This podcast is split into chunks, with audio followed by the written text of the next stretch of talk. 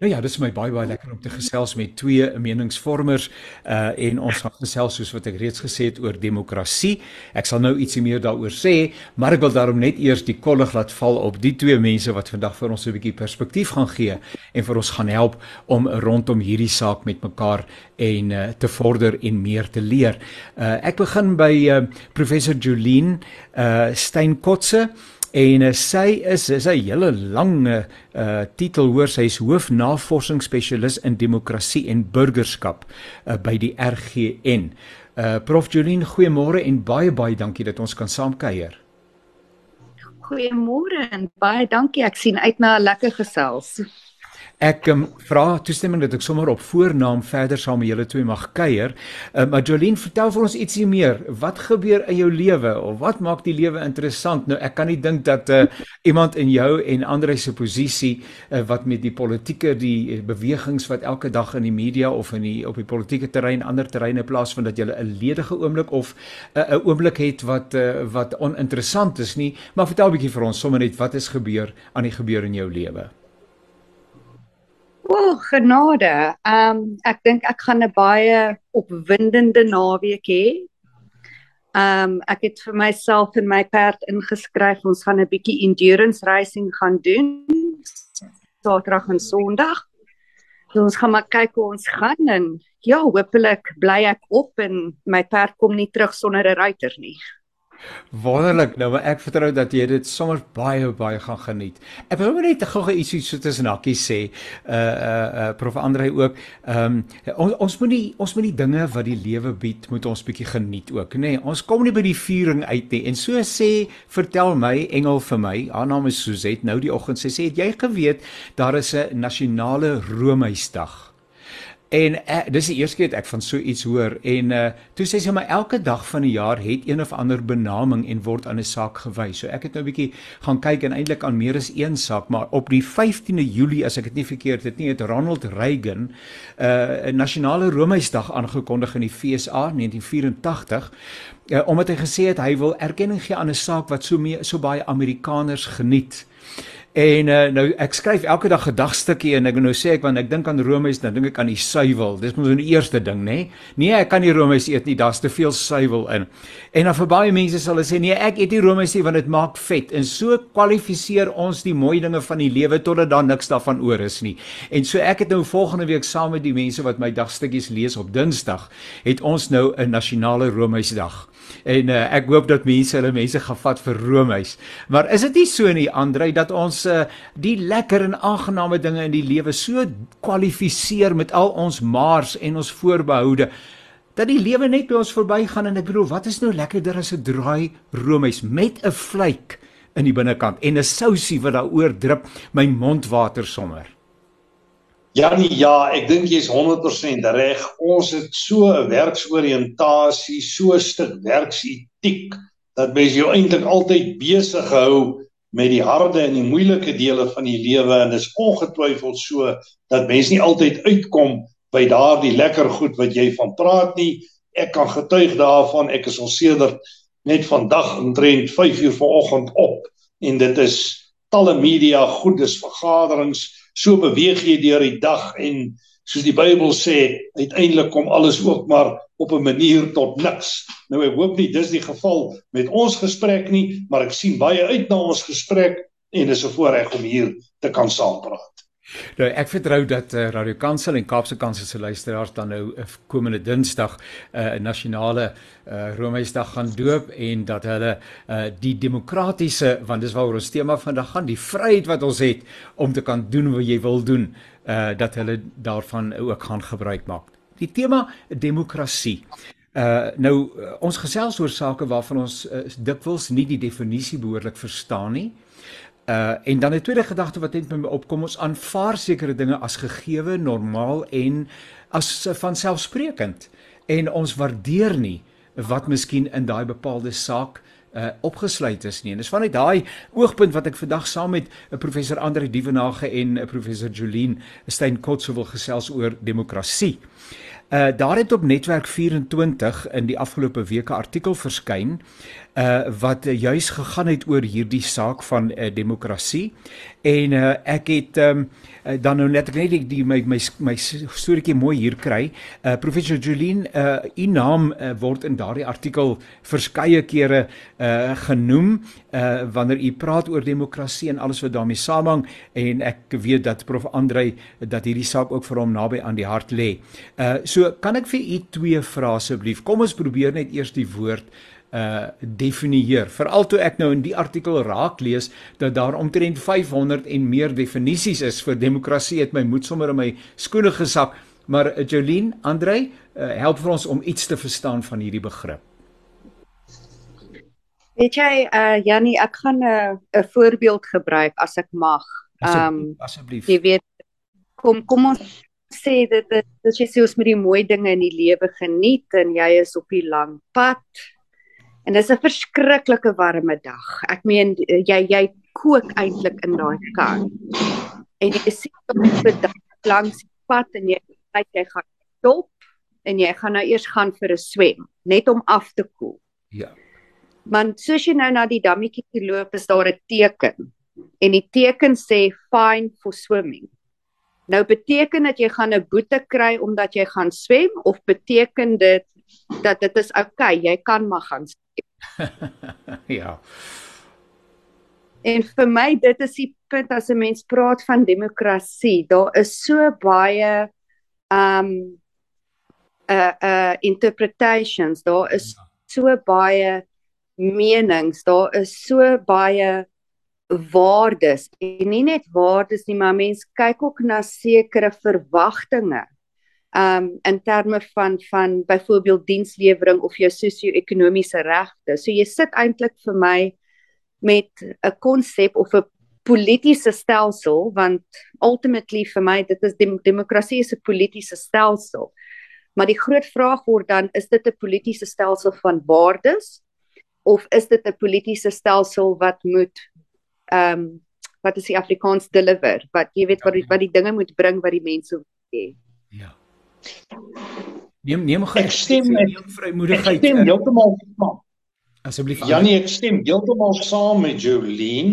Ek wil net die saak 'n bietjie uh vanuit 'n akademiese hoek 'n bietjie toelig en uh ek wil begin deur te sê die term kom van demos wat sê mens en kratia gesag. In ander woorde, 'n wat Lincoln sou noem 'n regering vir die volk van die volk deur die volk as jy dit nou in elementêre terme wil sê. Maar dit is so en daar's Jolien heeltemal reg en jy jou jy het dit ook genoem.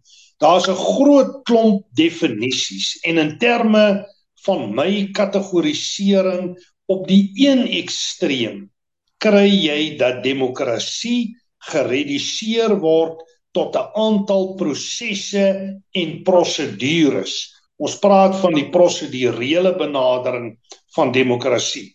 Maar dan kry jy op die ander ekstreem dat demokrasie beteken eintlik vir mense die beliggaaming van die goeie lewe en alles wat dit inhou ekonomies, maatskaplik, sosiaal en so meer.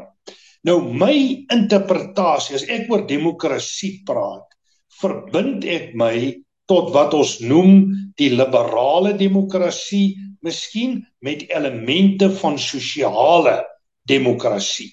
Nou liberale demokrasie beteken vir my goed soos beperkte regering, 'n onderskeid tussen die burgerlike regering en die staat, die oppergesag van die reg, verantwoordelike regering, uh, oppergesag uh, van van regsinstellings in talle terreine daardie tipe eienskappe assosieer ek met 'n demokrasie, maar dan sien ek ook dat 'n demokrasie 'n stuk sosiale verantwoordelikheid moet hê na die welstand van sy burgers. Nou ek dink om heeltemal te argumenteer dat 'n demokrasie gelyk is aan 'n uitsetprestasie van 'n stelsel ek voel dis 'n bietjie om dit te ver te trek, maar ek dink wat ongetwyfeld so is, is vir 'n demokrasie om suksesvol te kan wees, moet 'n demokrasie beskik oor effektiewe en funksionerende strukture. In ander woorde, vir 'n demokrasie om te werk, moet daar 'n tipe van 'n orde en struktuur wees wat jou demokratiese waardes in stand hou en ondersteun. Nou uh, ek ek, ek was net tussen hakkies sê baie dankie uh, Andre. Uh, ek kan nogal dink dat is 'n ou se Engels so bietjie skade uh, lê en jy kom nou by fine uit uh, om in daai baadjie, daai swemmat baadjie of in daai dammetjie te swem en jy sê maar ek het hom anders geïnterpreteer as die fine wat dit bedoel, dan kan jy nogal in die moeilikheid beland.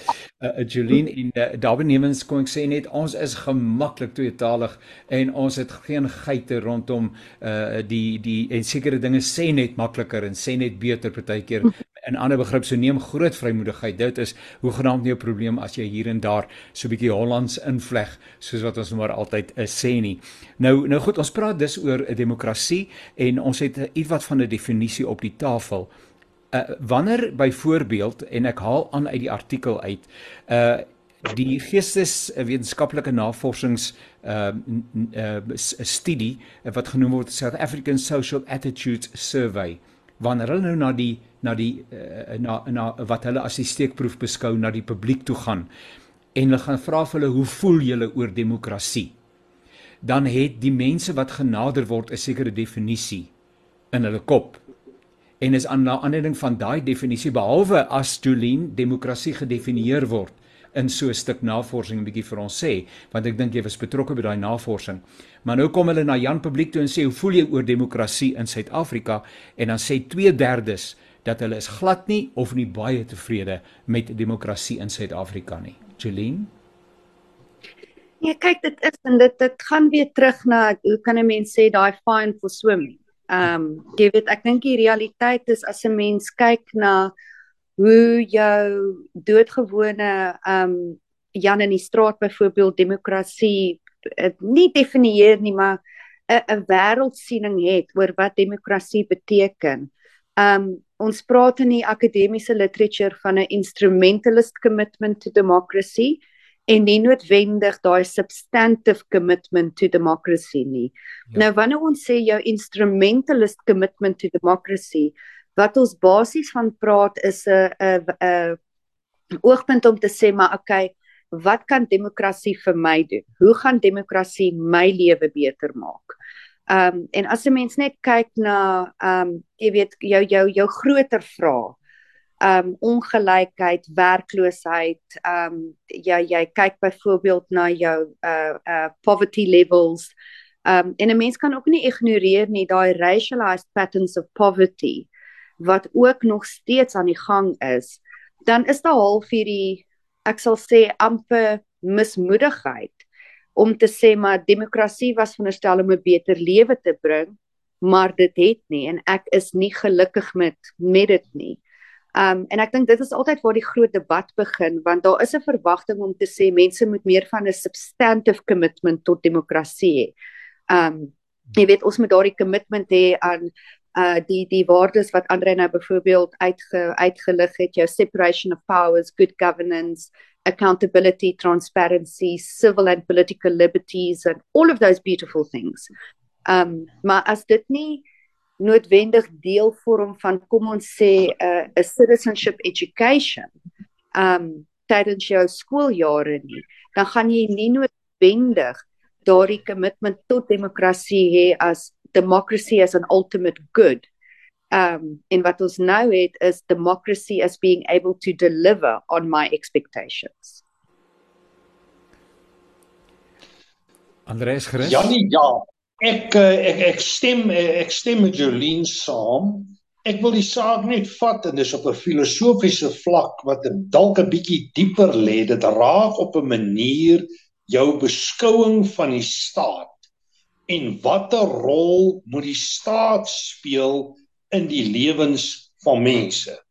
Nou daar's baie staatsbeskouings en heel dikwels word demokrasie geassosieer met die staatsbeskouing wat vir die mense die beste lewe kan kry en kan definieer. En heel dikwels is daai praktyke geassosieer met van die praktyke wat ons gesien het in byvoorbeeld westerse state, in besonder doen jou skandinawiese state geweldig goed. Maar as jy die saak opsom dan vind jy dit gaan eintlik oor baie meer as net 'n demokratiese stelsel wat werk.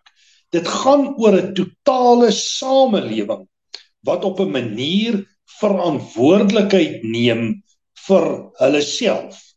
Die staat kan nie alles wees vir alle mense nie, maar die staat kan jou bemagtig om bepaalde dinge te bereik. Daarom dink ek dit is heel dikwels vanuit die oog van die publiek 'n valse verwagting om te reken dat die staat het 'n verantwoordelikheid om die sogenaamde common good by al die burgers uit te kry. Ek dink dis aan die essensie van 'n demokrasie om self verantwoordelikheid te neem. Om JF Kennedy aan te haal, dis nie wat die staat vir jou kan doen nie, maar dis heel dikwels wat jy vir die staat kan doen. So ek dink ons het 'n bietjie in Suid-Afrika 'n probleem dat ons verwagtinge van die staat heel dikwels ontoereikend is en dat die burgery nie altyd genoeg verantwoordelikheid neem vir hulle self nie. Daarby sê ek nie die staat het nie 'n taak nie, maar die staat se rol is 'n beperkte rol en nie 'n omvattende totalitêre rol binne die samelewing nie. En daar moet elemente van verantwoordelikheid na die burgery toe gaan. En as ek dit my kan uitbring by ons staatsbedeling, ek reken ons staatkundige bedeling word tans met ernstige uitdagings gekonfronteer. Die staat is besig op talle vlakke met inbegrip van die owerhede en regering besig om nie hulle mandate te kan voldoen nie.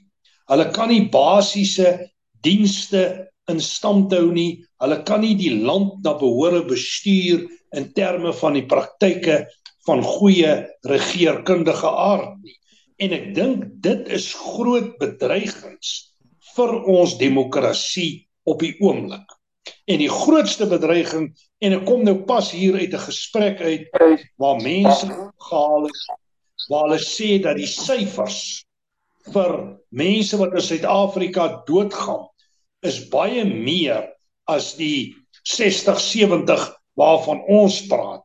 So ons sit met ernstige uitdagings in Suid-Afrika wat demokratiese praktyke en hulle konsolidasie moeilik maak al werk jy met 'n minimum of 'n kleiner definisie van demokrasie wat kleiner is as byvoorbeeld dit wat ons kry in terme van skandinawiese state. Ek wil dalk ook net by sê Andre, ehm um, jy weet 'n mens moet ook kyk na ons politieke retoriek. Ehm um, jy weet veral van jou politieke partye af en hoe daai political narrative amper daardie ehm um, verwagtinge skep. Jy weet as jy um, ek verwys nie nou net na die ANC byvoorbeeld nie. Jy weet met hulle slogan van a better life for all, maar as jy mens begin kyk na die demokratiese alliansie ook. Ehm um, en hoe hulle amper hulle politieke narrative skepper uh, om die tema van die ANC kan nie vir julle 'n beter lewe gee nie, maar ons kan gee vir ons julle stem. Um so vir my is dit nie eintlik baie verbasend dat vir jou doodgewone mense op die straat daar half hierdie um jy kan 'n mens sê amper onrealistiese verwagting is van die staat of van demokrasie as 'n politieke stelsel om wel hierdie beter lewe vir almal te skep. Ek dink eh, Jolene, ek dink jy is 100% reg. Die politieke partye is letterlik 'n mark wat hulle skep vir mense en sê dis wat ons vir julle kan bied, gee vir ons die steun. Maar die moeilikheid is werklik dat die goed nie uitvoerbaar is nie. Ek ek dink die politieke partye is problematies. Hulle rol is nie wat dit altyd moet wees nie hulle hulle maak 'n bepaalde stel beloftes wat nie uitvoerbaar is nie. Maar ek dink ook dat ons as politieke wetenskaplikes moet ook realisties wees oor die demokrasie. 'n Demokrasie se primêre doel was in die eerste plek om eintlik van forme van nie demokrasie ontslae te raak. En dan stel mense in beheer te plaas wat letterlik eintlik maar net in belang van die mense kan regeer. Al hierdie ander goed wat jy moet doen is geleenthede waarop jy moet inspel.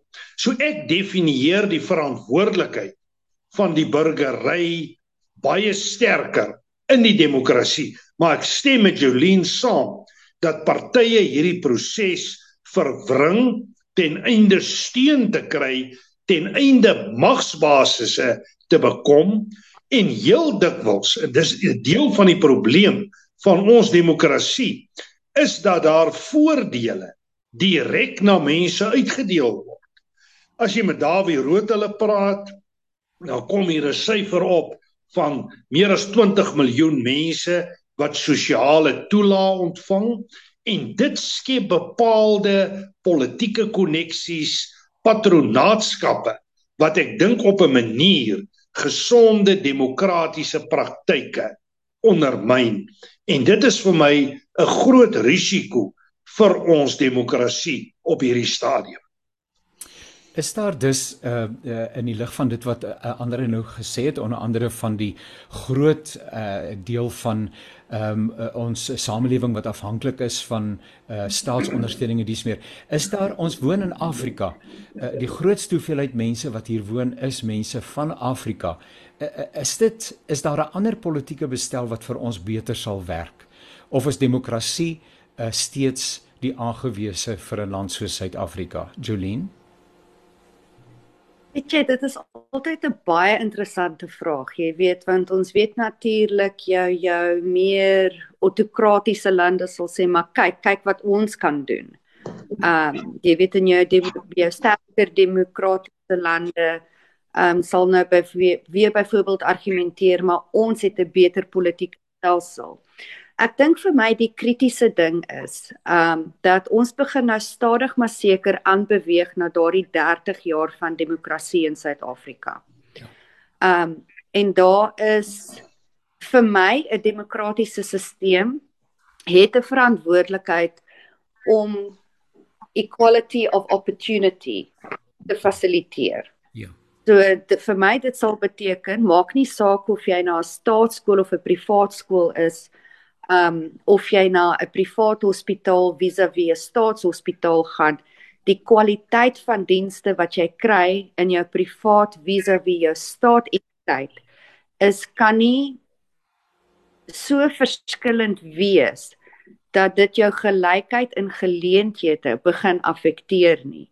En ek dink die realiteit wat ons het in Suid-Afrika is omdat ons nou kyk na 30 jaar van demokrasie binnekort um 'n mens kyk na na vrae rakend ongelykheid. Um 'n mens kyk na baie van die probleme wat vind in publieke skole, wat ons vind in publieke hospitale. Um Eskom natuurlik is 'n groot een, jy weet. Soos ons weet ek sit heidaglik met beerdkrag. Ja. Um en 'n mens kyk na al daardie probleme, dan vir my is die groter vraag nie noodwendig um hoe kan 'n mens sê is demokrasie beter of nie? Dit gaan vir my terug na wat Andre ook aangeraak het. Jy weet, wat is daai verantwoordelikheid? Um verantwoordelikheid van die staat. Verantwoordelikheid rakend 'n uh, dienslewering, rakend vrae van governance, good governance, accountability, transparency. So dit is aan die een hand, maar aan die ander hand ook moet mense ook in ag neem. Daar's verskriklik baie mense wat was dit nie vir een of ander um social welfare of social assistance nie dat hulle nie sou kon oorleef nie. En daar is 'n vrees, daar is 'n persepsie dat as ek nie vir 'n sekere politieke party stem of as ek nie dit doen nie, dan gaan ek hierdie uh amper cushioning wat ek het om te probeer oorleef verloor. Dan die alternatief raak is ek wil nie vir 'n politieke party stem nie, maar ek wil ook nie enigsins ehm um, golwe maak en dit moeilik maak waar ek my social welfare vandaan kry nie. So om te wys dat ek nie gelukkig is nie, tree ek liewerste uit die politieke stelsel uit en ek neem glad nie deel nie. En vir my, ek dink dit is 'n baie kritiese uh, kritiese element. Um want wanneer mense buite die politieke prosesse um begin werk, dan is daar dit 'n perfekte 'n uh, 'n resep vir sosiale uh onrus en politieke onrus om dan 'n bietjie sterker te word in die land.